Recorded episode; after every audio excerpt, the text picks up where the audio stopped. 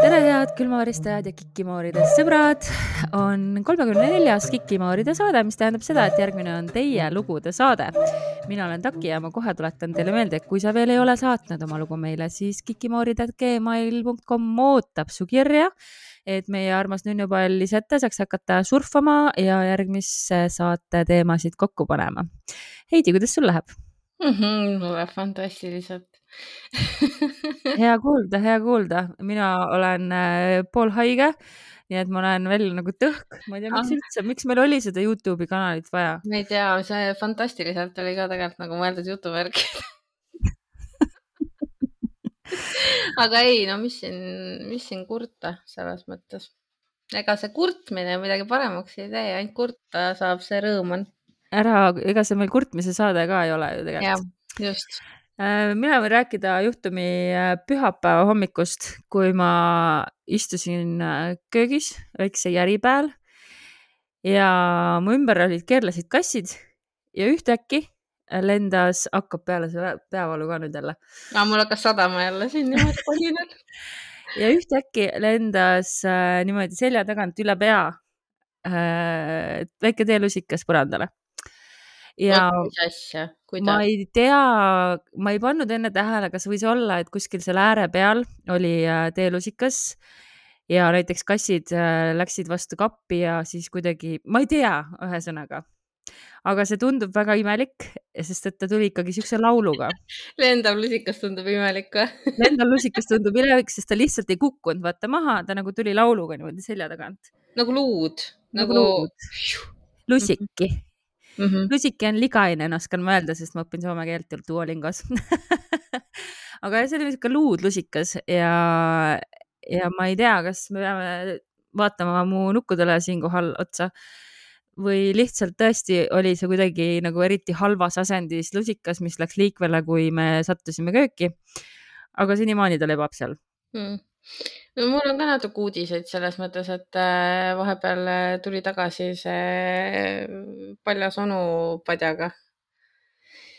taas, taas on tagasi, ühesõnaga päris niimoodi on kohe tagasi, et äh, väike lapseke tuli minu juurde ja ütles, et kuule, kui issi koju tuleb, et kas me saame öelda talle, et ma tahan head kodu, et see onu on kuri.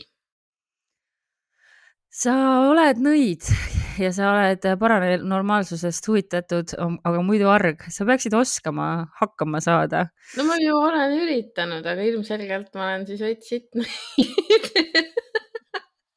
või ma, ma ei tea, ma ei, ma ei ole suutnud ennast viia veel sinna punkti, kus ma ise hakkan taga otseselt jahmerdama, aga ma vist pean seda tegema.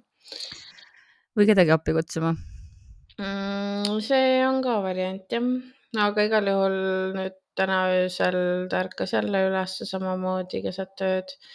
jälle tuli üles nuttes, et kuule, et onu on jälle platsis ja ausalt öösel ma ei viitsi tegeleda sellega. öösel ma võtan ta kaisu ja, ja siis hommikul mõtlen, et paganad. Team ignorant. Ja, aga on the bright side äh,. me peame asjad äh, salvestuse lukku ära panema, muidu me ei tee neid mitte kunagi. kas me lähme laupäeval sinna korterisse või ei lähe? Äh, ma ei tea, kui ma ennast paremini tunnen, ma olen küll laupäeval kindlasti tagasi, aga kui ma tunnen ennast piisavalt äh, elujõuliselt, et teha veel üks sõit, siis me lähme selles mõttes, et see korter nagunii imeb kogu elujõu välja, selles ma olen veendunud juba, siin ei ole küsimustki. ah, okei, okei. no vot, siis võib-olla tuleb meil üks äh, ghost hunt äh, ka ikkagi veel äh, otsa. aga mis sa arvad, kui läheks lugude juurde, sest ma saan aru, et meil mõlemal on pikad lood täna. nojah, mul on võib-olla isegi sinu tähenduses pikk üks, peaaegu et. oi Jeesus küll no aga samas, samas kui on pikad lood ja kui pikkade lugudega läheb pikemaks või liiga pikale, siis me saame alati jätta lugusid varusse endale ja neid jagada natukese aja pärast. ja, ja ma tean, kuidas meie saade toimib, ma lihtsalt tahtsin breiki teha, et meil oleks hea siia vahele panna üks väike heliklipikene, mis on vahekõll, sa hakkasid edasi rääkima lihtsalt. Mul on äh, lugu äh, aastast äh, tuhat üheksasada kuuskümmend üks. nii uus. no nõukogude aeg siiski, nõukogude ajast me räägime ikkagi päris äh, vähe seda küll jah. Mm, sest et äh, ega üldiselt äh, ühesõnaga sa olid omad põhjused ju, miks nõukogude ajal, okupatsiooni ajal meil eriti äh, ei räägitud kuritegudest, sest me elasime ju kommunistlikus utoopias. Aga mõnest asjast siiski räägiti ja see väljaanne oli nüüd siis EKP Valga rajoonikomitee ja Valga rajooni häälekandja, kus oli sihuke ilus meie mõistes ilus siis artikkel pealkirjaga Naise tapja mõisteti surma. ja. ilus. Ilus, jah. Igal juhul siis äh, esimesed sõprussidemed loodi tuhande üheksasaja kuuekümne esimese aasta septembris noormees hakkas otsima neiu seltskonda, teda õhtuti koju saatma, külastama, nii nagu ikka noortel sellised asjad arenevad. ja tuhande üheksasaja kuuekümne teise aasta augustis sõlmiti Aime ja Viktor Papulini abielu. peeti pulmad, kus noorpaarile soo-, noorpaarile sooviti õnne ja karjuti kibe, kibe. Ja ühesõnaga, see on väga poeetiliselt kirja pandud, sellepärast ma siin niimoodi tsiteerin. elutüüri seadmine oleneb asjaosalistest endist, nende iseloomust, tõeks, tõekspidamistest, ellusuhtumisest. Papulin seletas siis kohtus niimoodi algul elasime Aimega tema vanemate juures, meie abielu oli õnnelik. septembris läksin Riiga kursustele, kohtusime Aimega paari-kolme nädala järel. vahel sõitis siis äh, Aimekene sinna Riiga ja vahel sõitis siis Viktorikene koju. Kõik see kestis, kestis siis nõnda kuni märtsini äh,. aga siis Papulin arvati kursuslaste hulgast välja, sellepärast et väike viinaviga oli külge tekkinud ah,. see viga. ja see viga, ei käinud loengutes enam ja ei äh, täitnud oma õppekohustusi. ja jällegi siin ilus lause. ta unustas selle, määris Nõukogude inimese väärikust. üksi teda jäetud. temast taheti täisväärtuslikku inimest teha. talle anti võimalus eksimus ausa tööga heaks teha. selleks andis ta oma sõna ühesõnaga noh, kuna riik oli maksnud tema õppimise eest, siis mm -hmm. sellest see mm. -hmm. aga ikka see kesvamärjuke hakkas talle nagu väga nagu meeldima. ja siis juba juulis pidi Papulin hüvasti jätma oma töökohaga, eh, kus siis eh, ta ei täitnud oma tööülesandeid ja oli ka vargusega vahele jäänud.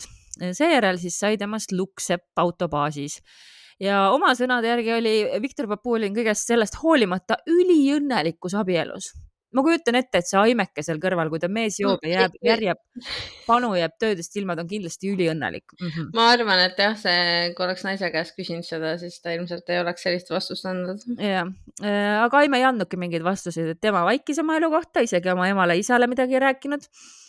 Äh, ja küll aga perekond kasvas, kuuekümne kolmandal aastal sündis laps, leiti uus korter. Mm, Aime ei käinud aasta aega tööl, kasvatas pojakest ja Viktor siis ütles, ega ma sundinud Aimet tööle minema, ta ise tahtis. tõin isegi igahommikuse piima talle sageli koju. no sihuke nagu ikka sihuke supermees onju wow.. ega ma ei sundinud tööle minema, mis siis, et ma ise jõin ja kuskil tööle ei käinud. ta ise tahtis aastase lapse kõrvalt tööle minna. mina ju tõin isegi piima ükskord koju niisiis. Sellega päris ainult hommikusest piimast vist ära ei ela või mm,? võib-olla tõesti Äh, võib-olla läks noorema tööle sellepärast, et ta tahtis olla teiste hulgas, tunda end täisväärtusliku inimesena, kasvõi natukesekski unustada kodune ebakõla. võib-olla sundis teda selleks majanduslik kitsikus, sest viin neelas osa perekonna sissetulekust, nii et mm. -hmm. Mm -hmm.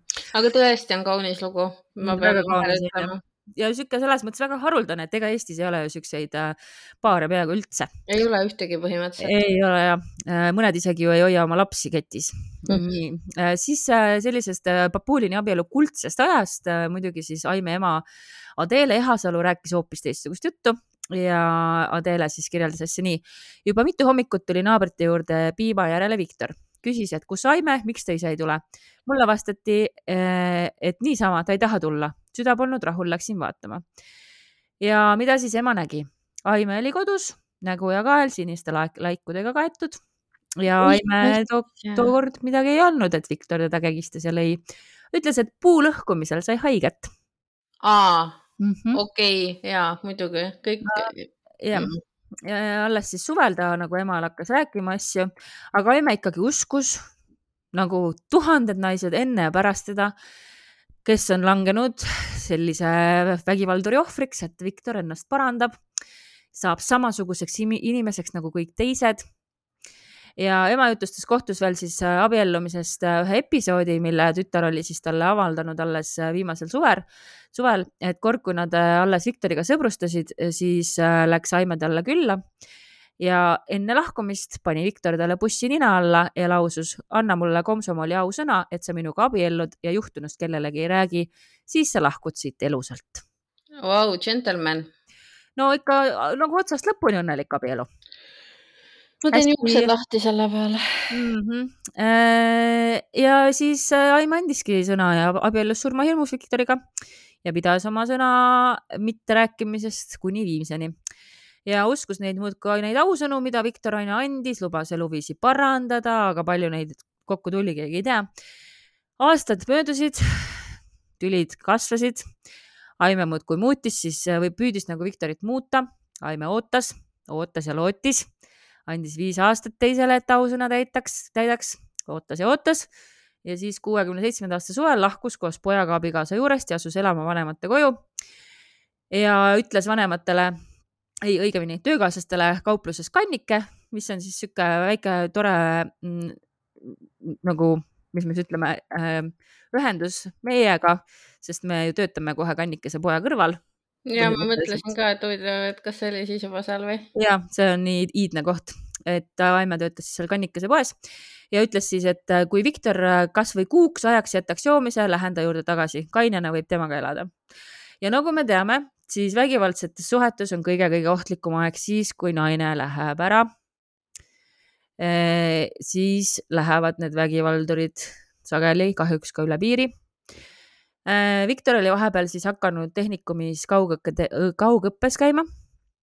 Ja ootamatult ilmus ta siis möödunud aasta suvise õppesessiooni algul Aime juurde, nõudis raha ja eksameid õiendama ta enam ei läinud ja ise rääkis siis kohtus järgmist Tal-, sain Tallinnas anonüümkirja, et minu abikaasa käib pidudel tantsimas, sellepärast tulingi tagasi. kusjuures see kannike on hoopiski mingi Valga pood, nii et see on ikkagi siis teine pood. populaarne poe nimi siis jah? populaarne poe nimi jah, ja siis, kui kohtus küsiti, kas see kiri on alles, loomulikult ei olnud ja pigem siis seda kirjalugu nagu keegi eriti ei uskunud, pigem siis uskus, et usuti, usuti et äh, Viktoril sai lihtsalt äh, raha otsa ja läks Aimelt raha küsima. Äh, ja see oli siis üksteist september tuhat üheksasada kuuskümmend seitse, kui Viktor Aime vanemate kodus käis, sealt lahkudes pistis ta salaja köögiriiulilt taskusse seatapmise bussi. Ja kui kohus pärast küsis, et milleks seda vaja oli, siis äh, vastas Viktor, tahtsin teha jooniste valmistamiseks raami. kas te tegite? ei. miks? oli muud tegemist, ei jõudnud. ja nüüd me kohe jõuame selle juurde, mis muud tegemist tal siis oli.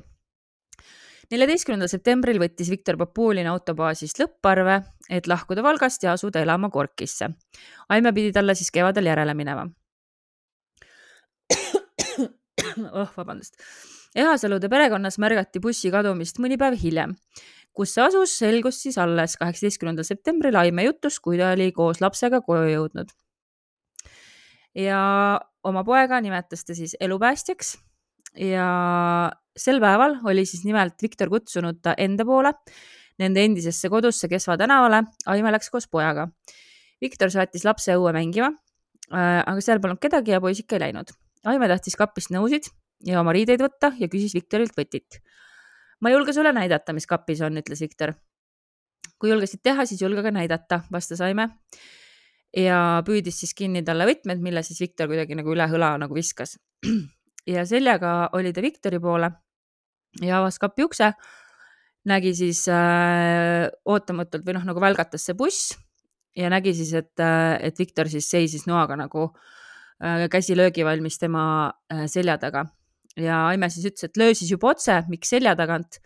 laps hakkas karjuma äh, tiris siis ema nagu ära sealt. Viktor püüdis poega uksest välja tõugata. kisa peale ruttas kohale õnneks majapäranaine ja sel päeval jäi halmi, halvim tulemata. Aime ruttas pojakesega bussile. saatjateks oli muidugi Viktor ja majapäranaine ja silmade ees siis äh, virvendasid tal puruks lõigatud kleidid, jakk, mantel, katkised nõud kõik see, mis siis Viktor oli seal kapis tema vara nagu ära lõhkunud, mida ei julgenud siis ta näidata oma naisele. ja teel bussipeatusesse küsis siis Viktor oma nelja-aastaselt pojalt, kas sa tahad, et ma ema ära tapan? mis on fantastiline. see ei ole okei okay. ühtlasi. kas sa kuuled, mis ma räägin?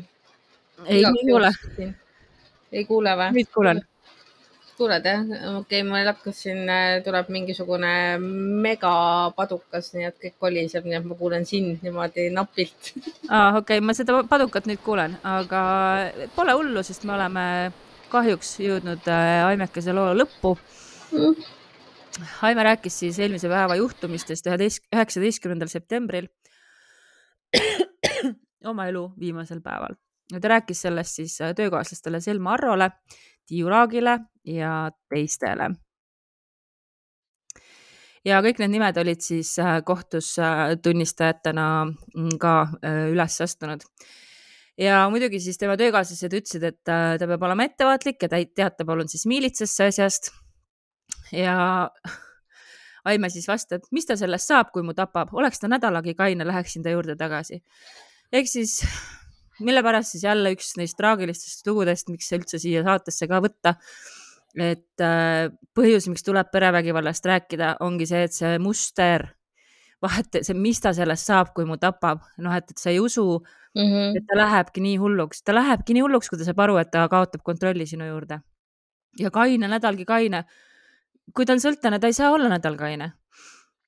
Aga siis üheksateistkümnenda septembri hommikul käis siis Viktor autobaasis, läks kohvikusse, jõi kakssada grammi veini, lonkis mööda linna kella kahe paiku külastas kauplust Kannike, kutsus Aimet õhtul kinno. naine keeldus, paar tundi hiljem tuli ta tagasi, küsis Aimelt raha suitsude ostmiseks.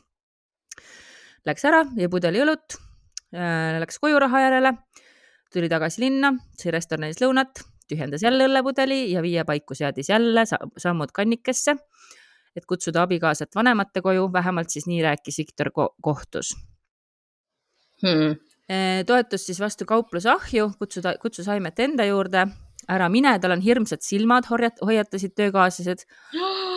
see on rets, kuidas tegelikult on silmadest näha mingid asjad ikka. Mm. ja eelviimase käigu ajal oli siis Viktor Aimele öelnud, lähen nüüd relva tooma ja julgust võtma. ah, ja Aime ta ikka ei uskunud. ei uskunud, et talle kaupluses kõikide silme all kallale tungitakse äh, ja kui Viktor siis tagasi tuli, haaras ta siis põuetaskust noa, sellesama, mille ta sai kodust sealt äh, Aime vanemate juurest varastanud ja lõi siis selle äh, naisele rindu. Aime siis põgenes esimese hoobi järel leti taha, kaitses ennast meetripuuga. Viktor järgnes talle. issand, ma nii vabandan, ma ei jaksa kogu aeg pausi teha, kui mul köha tuleb. Aime tahtis üle leti ronida ja põgeneda Viktor haalast, haaras tal jalgadest ja muudkui aga lihtsalt ladus neid bussihoope oh. kõik muidugi olid paanikas, trügisid uksest välja, karjusid appi ja tänaval siis peatus Riigipanga auto, mis viib kauplustest äh, raha äh,. see Riigipanga autost siis äh, tormas välja inkassaator nimega Lembit Kerk, kes nägi, et põrand ja lett olid kõik verd täis. Ta haaras sureval Aimel käest, et teda üle leti aidata siis veel jõudis Viktor veel viimast korda Aimele lüüa. ja väga sügavale läks see viimane löök siis, et kui Aime kauplusest välja vaarus, siis ta juba varises tänavale surnult maha, kaksteist noahaava. ja tapjaviha siis muidugi pöördus selle päästja Lembit Kergi vastu. noahapp, äh, hoop üle leti ei õnnestunud siis ta lihtsalt viskas selle bussi nagu selle inkassaatori suunas. Äh, buss äh, läks vastast seina, jättis sinna oma jälje ja selleks ajaks siis oli kauplusesse ka Riigipanga autojuht Kalju jõudnud, kes oli äh, läinud äh, autost siis relva haarama. ja siis selle relva ja käed üles äh, hüüdmisega ta siis sai selle papuulini ilusasti käed üles tõstma. oma elu oli papuulinile väga kallis, astus seina äärde ja ootas ilusasti miilitsad ära Eh, nii et, äh, et jah, loomulikult sai siis Papulin surmanuhtluse. kaks päeva arutati siis Valgas Viktor Fjodori poeg Papulini süütegu ja vaene Aime siis kaotas oma elu ja poeg kaotas oma ema. see on ikka täitsa, ma ei tea, noh. noh kuidas saab nii teha üldse? ma ei, ma ei, see on muidugi iga saatane küsimus. minu meelest see ei ole isegi nagu, minu meelest on kõige traagilisem see, kui tavaline see on. et see on nagu see kõige tavalisem, praegu on see kõige levinum kuriteoliik Eestis, kus naised surma saavad, on lähisuhtevägivald. -hmm me ei saa surma tänaval, me ei saa surma juhuslikust röövist või äh, rünnakust või sarimõrvarist, me saame mm -hmm. surma sellest, et meie väidetavalt armastatud äh, mehed siis, partnerid meid siis lihtsalt ära tapavad. nii saavad naised surma.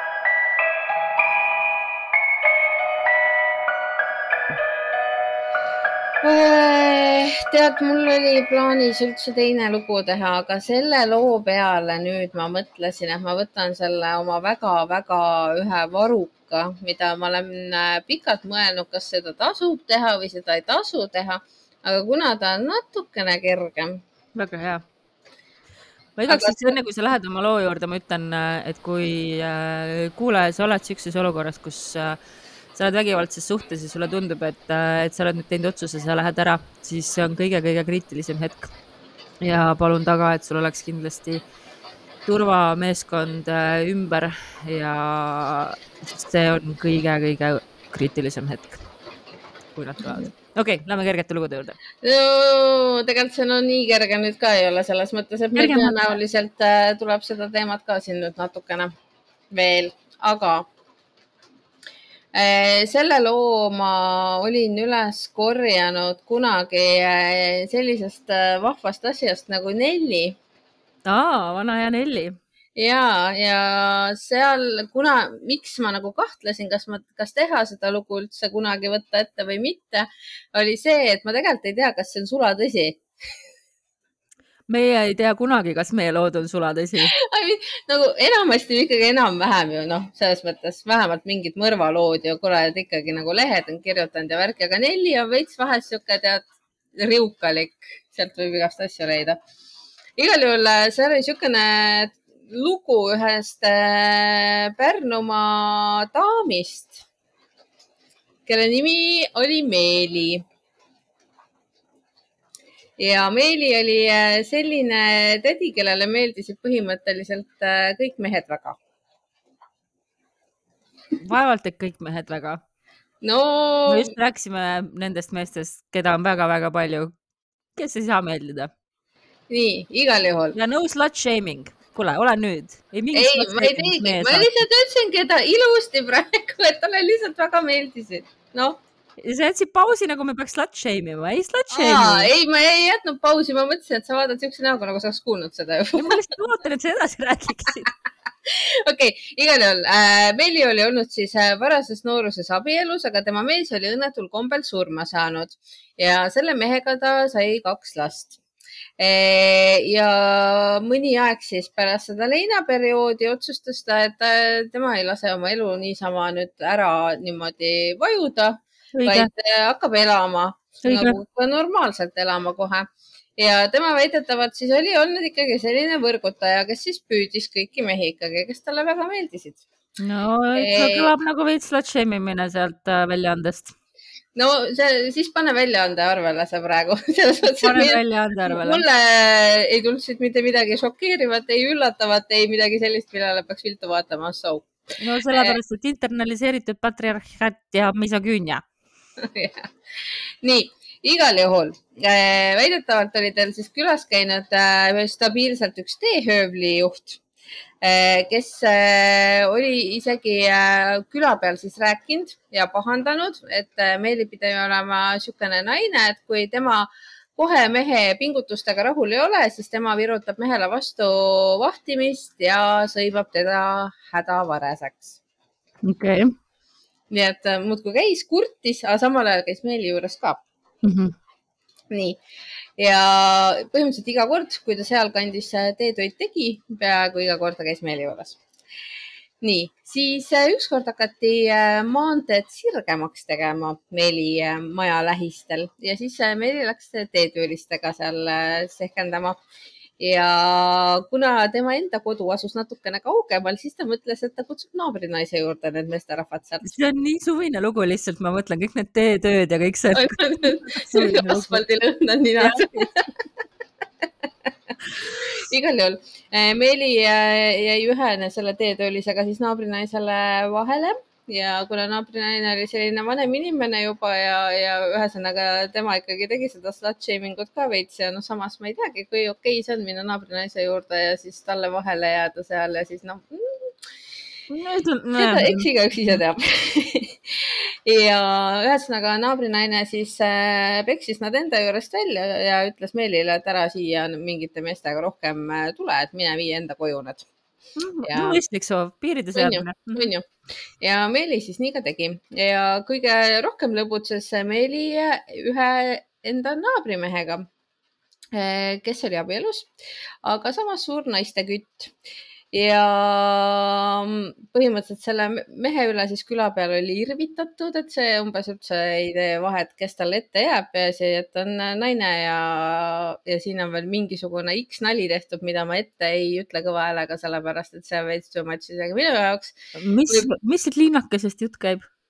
see on mingi Pärnumaa külake. ahah, okei okay.. külake, külake. Hillar Kohv viinahaualt on saatnud selle loo või? ei olnud. okei nii, igal juhul äh, Rain oli selle naabrimehe nimi mm -hmm. ja Raini ja Meeli niisugune kõrvalsuhe siis äh, mõnda aega ikka kestis ja nägi see välja niimoodi, et kui Raini enda naine hommikul kodust tööle läks, siis äh, mees hüppas äh, krapsti enda väikesesse paadikesse ja aerutas mööda jõge Meeli poole. väga armas ja, ja mööda jõge läks ta siis ikka sellepärast, et siis oli lihtsam teiste eest asja peita sest et kõik hoiavad ju tee peal oma silmasid, mitte jõe peal mm.. kas see, see ei olnud see teetööline, jah?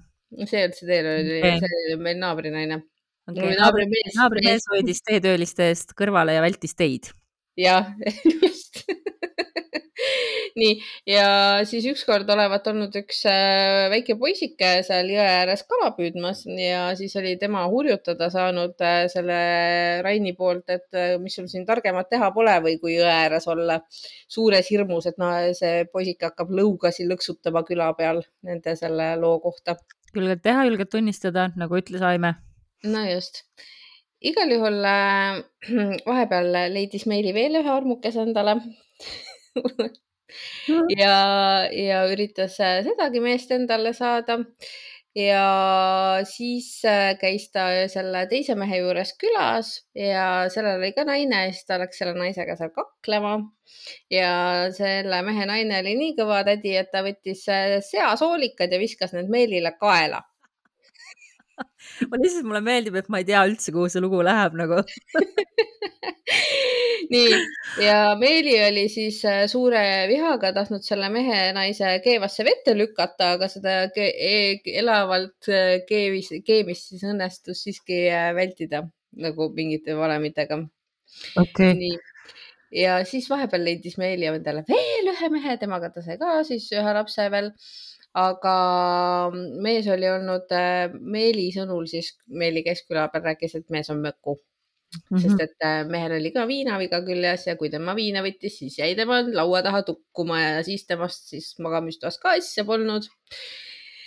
ja seetõttu oli Meeli sunnitud äh, edasi mehkendama naabrimees Rainiga arusaadav. onju, ja teistegagi mm. -hmm. nii ja kord siis tekkis Meelil niisugune tore mõte, et oleks hästi tore, kui ta saaks Raini endale päriselt enda meheks, sellepärast et tema on äh, ainuke mees, kes siis äh, äh, Meeli standarditele vastas ja ootustele mm, -hmm. keda, keda võiks siis nagu tõsiselt kaaluda.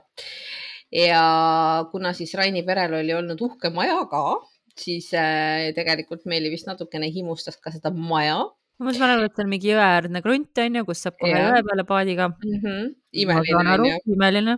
tahaks ka, mul on sul on jah okei okay,, see selleks. Anyhow äh, ja igal juhul Meli võttis nagu missiooniks endale, et tema saab selle naabrimehe endale, that's it onju. ja mis ta siis selleks tegi, oli see, et hakkas Raini enda selle abikaasa vastu üles ässitama. ahah, jah. ja, ja samal ajal äh, mängis ise Raini abikaasale suurt sõbrannat. ja valetas sellele Raini abikaasale siis, et äh, et hoopis see vanem naabriproua, kelle juures ta mingi teise tüübiga vaata enne vahele jäi. et miks see lugu nagu üldse sellest esimesest naabriprouast algas, aga nüüd ma sain aru, okei okay.. ühesõnaga valetas nagu selle naabrinaise peale, et see on mingi õudne im imelik onju ja et Rain käib seal külas, tal hommikul läheb ja siis purjus päi tuleb välja sealt ja ühesõnaga mingi täiega. Äh, Raini naise nimi muuseas äh, Epp ja mm. siis äh, piimapuki peal kui täpne olla, hommikuti siis äh, Epp ja Meeli kahekesi istusid ja sõbrannatasid ja pläkutasid seal ja Meeli siis muudkui rääkis, kui paha see vanem naabrinaine on. aga tegelikult oli loomulikult niimoodi, et äh, Meeli ise jootis Raini enda kodus täis, et siis äh, on parem sehkendada mm. -hmm. aga ühel ööl juhtus selline lugu, et Rain tuli Meeli poolt vindisena koju üles ässitatuna ja läks öösel oma naise juurde maja teisele korrusele ja tiris äh, naise sealt öösärgis juukseid pidi trepist alla oh,. Ikka läheb see niimoodi, see lugu. ja tiris ta kraanikausi juurde, kus tal siis väidetavalt olnud ka kirves valmis pandud ja olnud siis äh, Rainil plaan naine seal ära tappa niimoodi, et äh, veri kraanikausist alla jookseks. naine selle peale siis muidugi hakkas karjuma selle tirimise peale mm -hmm. ja appi hüüdma. selle peale ärkasid nende väikesed lapsed üles ja jooksid sinna koha peale. Äh, ma ei tea, mis nad seal siis täpselt tegid, aga igal juhul äh, Epp sai lahti ennast selle Raini käest ja jooksis koos lastega öösel kodust minema. ja läks selle sama naabrimemme juurde memme siis mitte Meeli juurde, mitte Meeli juurde, vaid läks selle teise proua juurde, kelle nimi oli Pilvi.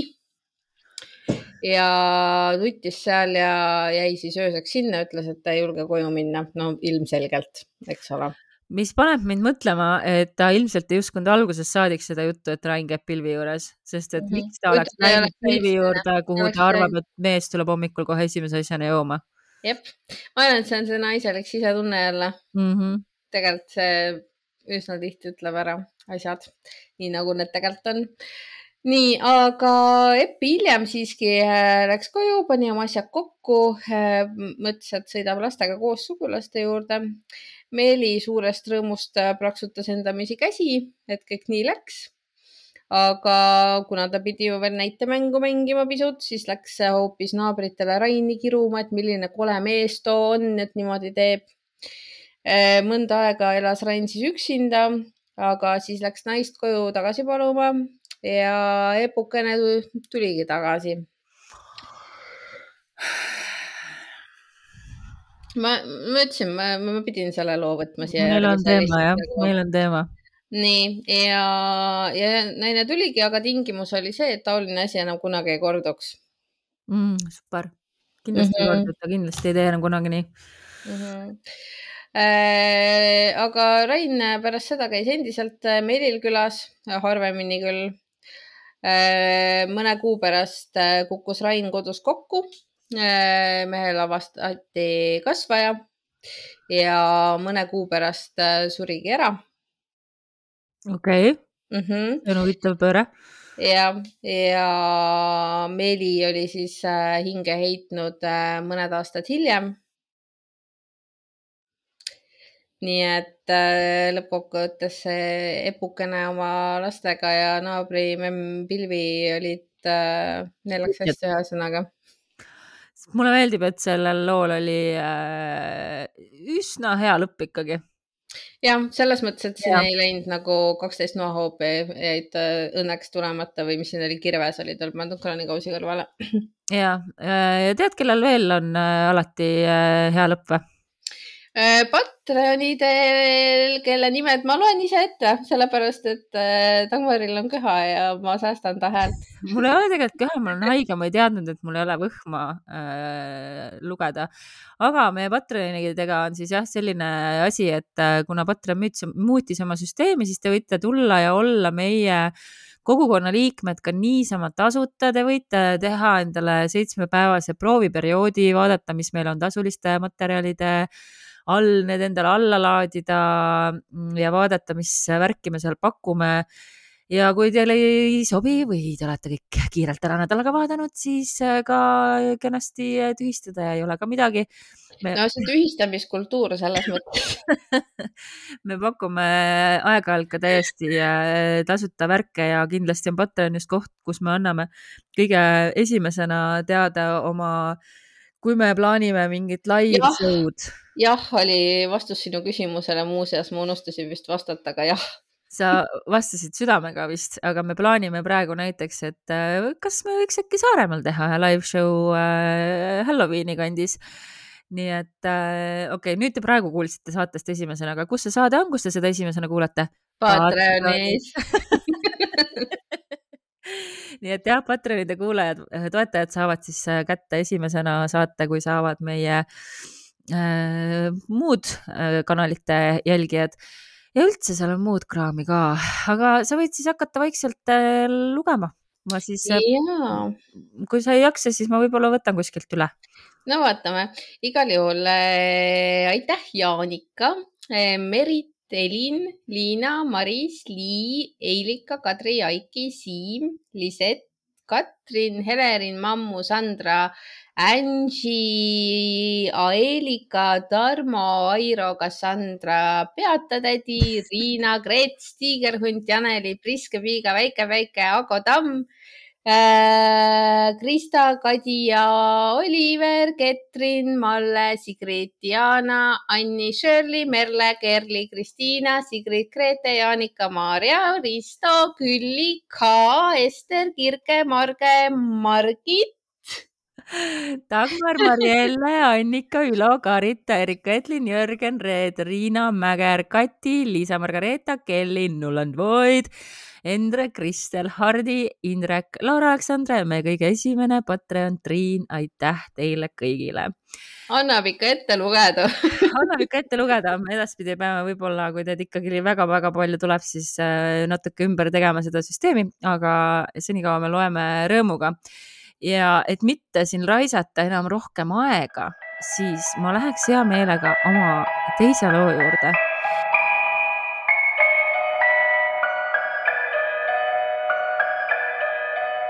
vahelduseks kriipilugu ka.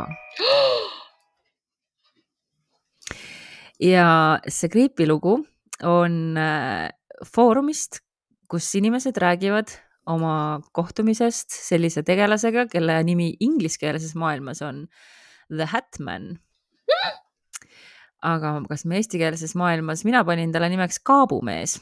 ma mõtlesin, et mingi mütsimees oleks nagu sest teda kujutatakse, kas sa muidu tead, kellest jutt on või?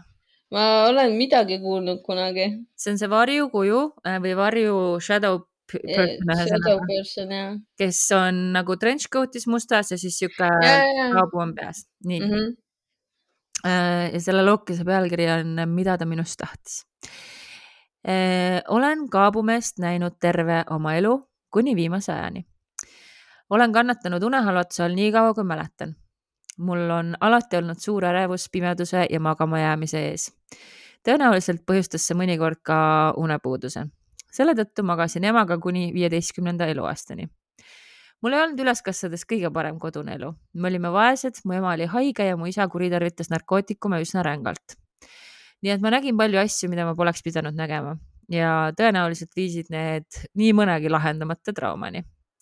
ma olin ka väga vaikne ja murelik laps esimene unehalvatuse episood, mida ma mäletan, oli nelja-viieaastaselt mäletan, et mind tiris jalust mööda tegelane, kes mm -mm. nägi välja nagu musta mütsiga must spioon. tagantjärele arvan, et see oli tema.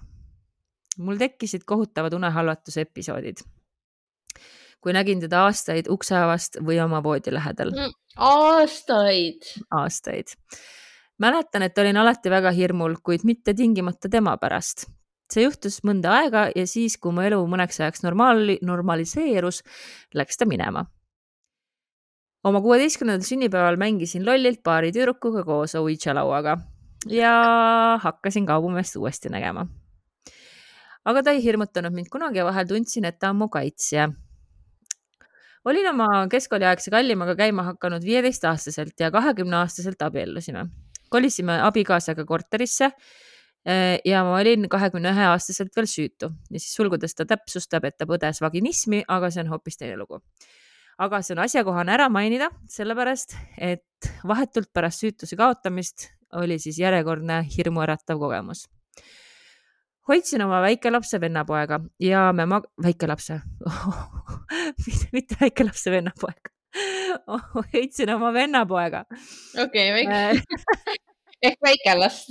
väikelast jah, ehk väikelast mm. -hmm. ja me magasime mu diivanil seljaga avatud elutoa ja köögi-söögitoa poole ma, mul algas unehalvatuse episood ja kuulsin läbi oma väikese korteri midagi kiiresti ja vihaselt trampivat kõlas nagu mu kappe löödi lahti ja kinni, nagu tõmmataks köögisahtleid välja ja sisu loobiti. see mm. kestis mitu minutit ja ma palvetasin Jumala poole ja nõudsin, et ta siit lahkuks. kõik jäi väga vaikseks. Siis tundsin oma selja taga, et miski kõrgub mu kohal. tundsin, kuidas olend kummardus ja tundsin kõrvas tema kuuma hingeõhku. mul hakkas kõrv valutama praegu selle peale ma ei unust-, ei unusta kunagi seda mörisevat häält, mis kõneles minuga keeles, mida ma ei osanud. ma jätkasin raevukalt palvetamist ja lõpuks suutsin end episoodist nii-öelda välja tõmmata. Heidi võttis see klapid peast ära päriselt ka, see on too much vahepeal. okei okay haarasin äh, lapse ja oma võtmed ja lahkusin pisarates äh, majast. minu köök ei olnud segamini. ma ei oska seletada, kuidas ma tean, et see oli tema, aga ma arvan, et ta oli minu peale vihane, et ma süütuse kaotasin. nägin teda veel kord selle juht, see kõik lõpuks nagu make ib sense'i okay.. nägin teda veel kord selle juhtumi ajal öö, oma korteris, kuid ma ei mäleta, kas see oli enne või pärast. Ta seisis, noh, see juhtum on siis see süütuse kaotamine mm, -hmm. seisis mu voodi kõrval väga lähedal ja sirutas ühe käega minu poole olin unehalvatuse episoodis halvatud, kuid ma ei tundnud hirmu ja ma ei tea, mida ta tahtis.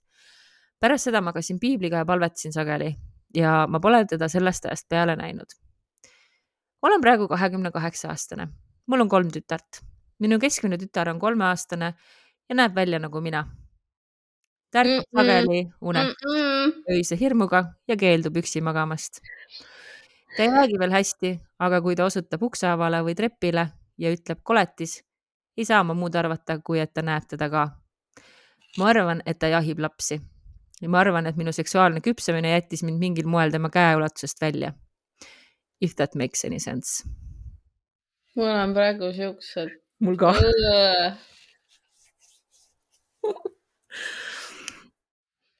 no selles mõttes jah, sa ütlesid, et creepy lugu on ka. on küll.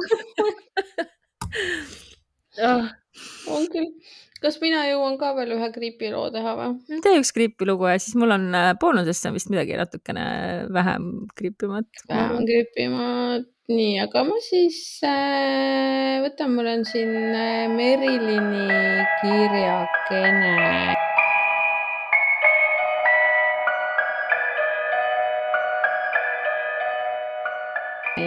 Ole märkinud, kust ma selle sain, aga ma olen üsna veendunud, et see oli tõenäoliselt Paraveeb okei okay.. nii ja kirjutab ta nii.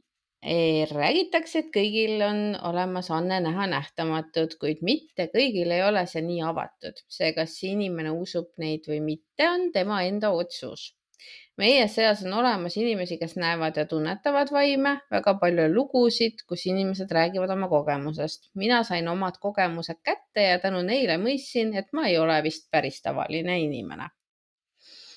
kõik algas sellega, et kui ma kolisin koos perega korterist majja elama, neid lugusid on Ala, nii palju. nagu jaa, issand ja ma tahan nii majja kolida ja. ma ka ja siis ma mõtlen nende lugude peale. nagu... oli niimoodi ju kolis korterisse majja elama, kohe hakkasid mingid asjad juhtuma. no vot, nii, olin siis umbes kaheteistaastane, alguses oli kõik normaalne äh,, aga asjad juhtusid enne ehituse algust. majas oli tunda midagi teistsugust, õhk oli kuidagi raske ja paks. õhtul heitsin magama nagu tavaliselt kella kümne ajal, kuid siplesin tükk aega voodis, enne kui suutsin uinuda olin selili ja silmad suletud. ühel hetkel avasin millegipärast silmad ja nägin, kuidas seina seest ilmus välja käsi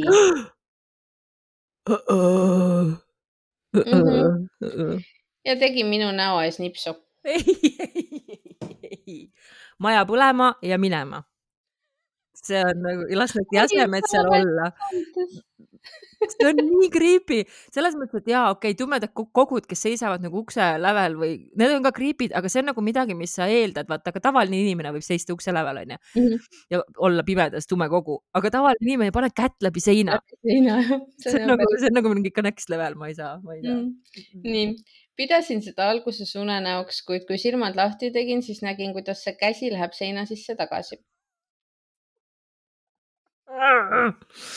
alguses ei osanud kuidagi selle peale reageerida ja keerasin seinale selja, proovisin lihtsalt asja unustada ja magama jääda.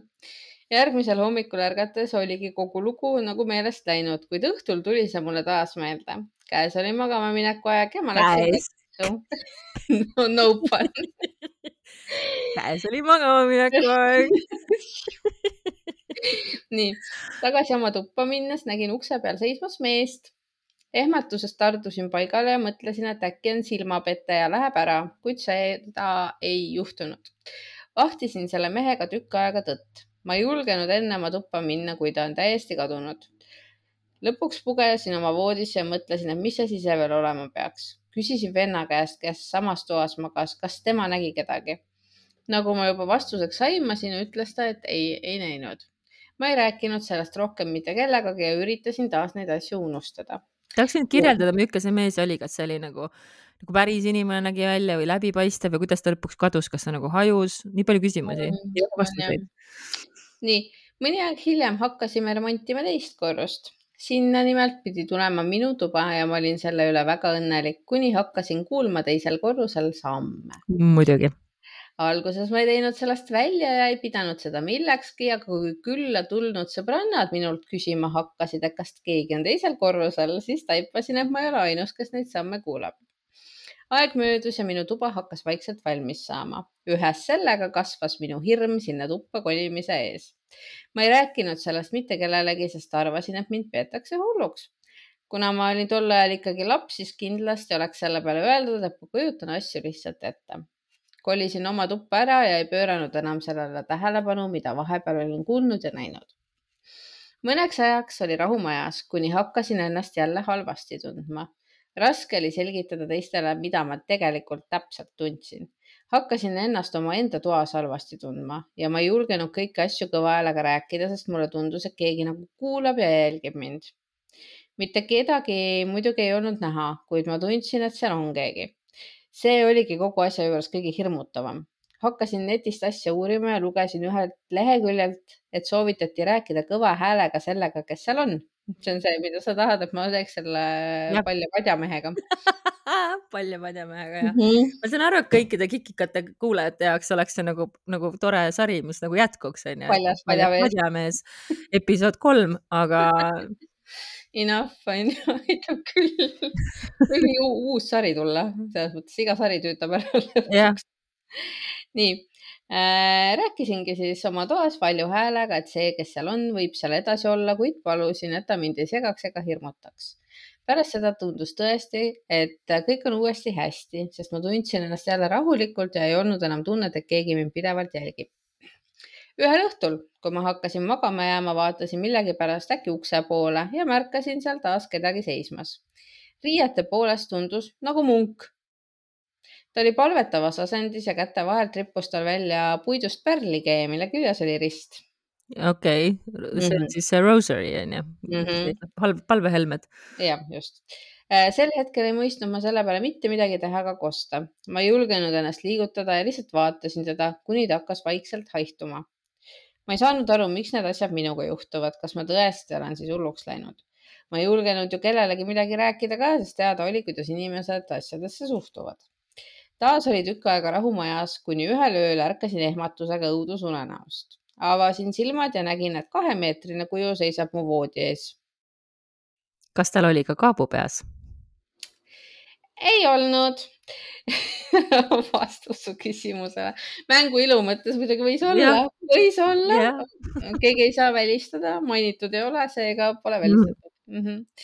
arvasin, et see on silmapete, aga mida rohkem aega edasi läks, seda selgemaks ta muutus. keerasin näo teisele poole ja lootsin, et ta lihtsalt läheb ära -hmm.. okei see on alati hea lahendus see on alati hea lahendus. jah, mis sa ikka siis nagu teed? Jah. nii äh,, aga viimane kogemus oli äh, tema jaoks äh, kõige hirmutavam äh,.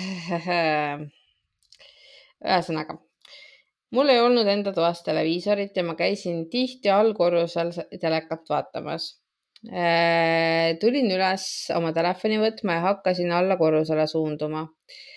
Äh, toa seina peal enne välisust on peegel. jäime enne peeglit seisma ja tuli tahtmine vaadata voodi poole, mida ma ka tegin. nägin, kuidas minu voodis lebas üks noor neiu. tal oli valge öösärk seljas. kas sa kujutad ette seda või? see on nagu. -mm. Mm -mm ta ju vaatas justkui lakke, silmast, silmad ehmatusest pärani, kuid äkki taipasin, et ta on surnud mm. -hmm. ma ei tea, kui palju aega sellest möödas oli, aga kui ma lõpuks sellest nägemusest toibusin, siis oli mu nägu vastu peeglit surutud ja silmad olid pärani lahti. seda ma nagu oleks kuulnud kuskilt või kellelgi oli mingi väga-väga sarnane kogemus. ja, ja ma ise äh, mõtlesin sama asja siis, kui ma lugesin seda enne ehmatasin päriselt ära, sest teadsin kindlalt, et ma jäin ju seisma, ma ei jõudnud peeglini. ma olen raudselt kuulnud seda, kuidas see siis võimalik on, kellelgi on nagu nii sarnased, sest et see käsi nagu seinast, seda, see on nagu oleks uus minu jaoks. okei okay,, vahet pole, räägi edasi ma ei tea.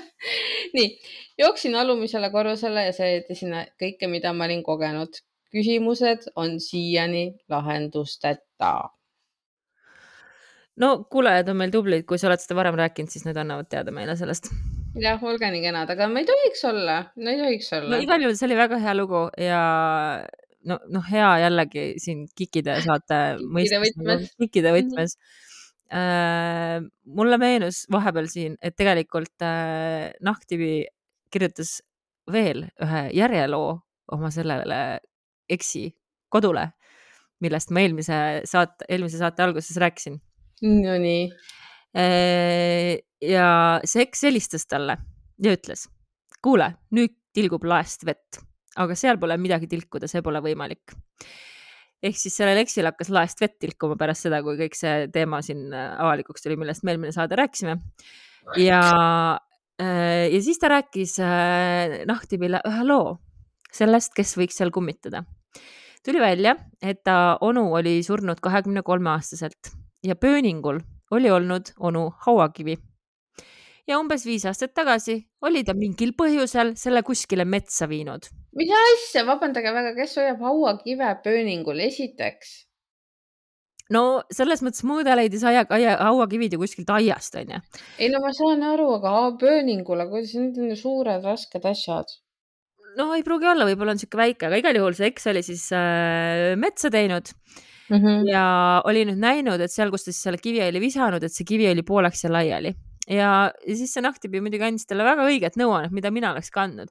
kui sa ei taha, et sul laest kuradi tilgub et siis võta see kivi, need tükid kokku, vii surnuaeda, kus on selle kivi omanik ja mata maha mm. -hmm. ja miks see kivi üldse nagu ei olnud seal, miks ta oli nagu seal pööningul oli see, et neil on nagu pere mingi ühine haua, hauakivi, kus siis onu äh, nimi ka peal on mm.. ja esimesel augustil möödub onu surmast kuuskümmend üks aastat.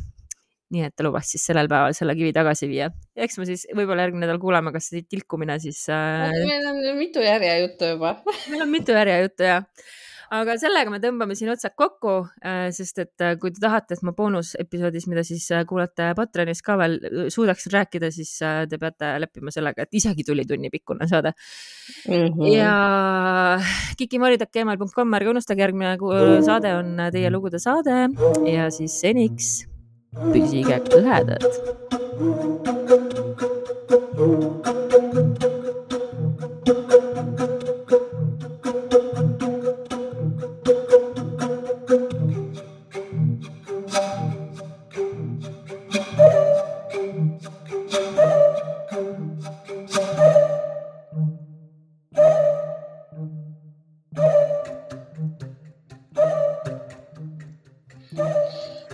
Ma arvan, et ma võingi kohe edasi minna, onju. ma arvan küll jah, sul on hoog sees praegu. mul on hoog sees ja mul on sihuke hea lühike lugu ka, see jäi üle mul sektide saatest. Ja see on siis äh, usuhullustajad inimest ohverdamas. Ja me lähme sel korral Hollandisse ja kõik see toimus siis sada aastat tagasi, aastal tuhat üheksasada kakskümmend neli kui siis äh, Hollandi lehed tõid kõmulisi teateid ühest usuhullutajate salaseltsist, kus siis äh, nad tahtsid tappa ühte noormeest selle eest, et väidetavalt asus siis selle noormehe sees kurat.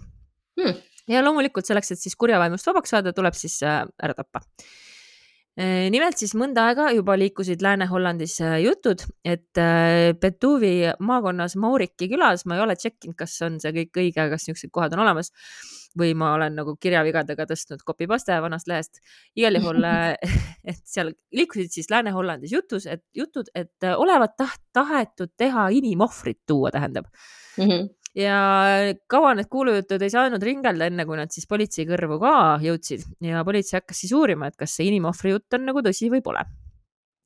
ja siis selle tagajärjel tulid ilmsiks kuulmatud asjaolud äh, nimelt siis tuli välja, et seal Betuvis on tõesti laialdane usuline salaselts ja selle keskpaigaks oligi siis see Mauriki küla. ja usuliikumisse kuulusid siis peamiselt lihtsad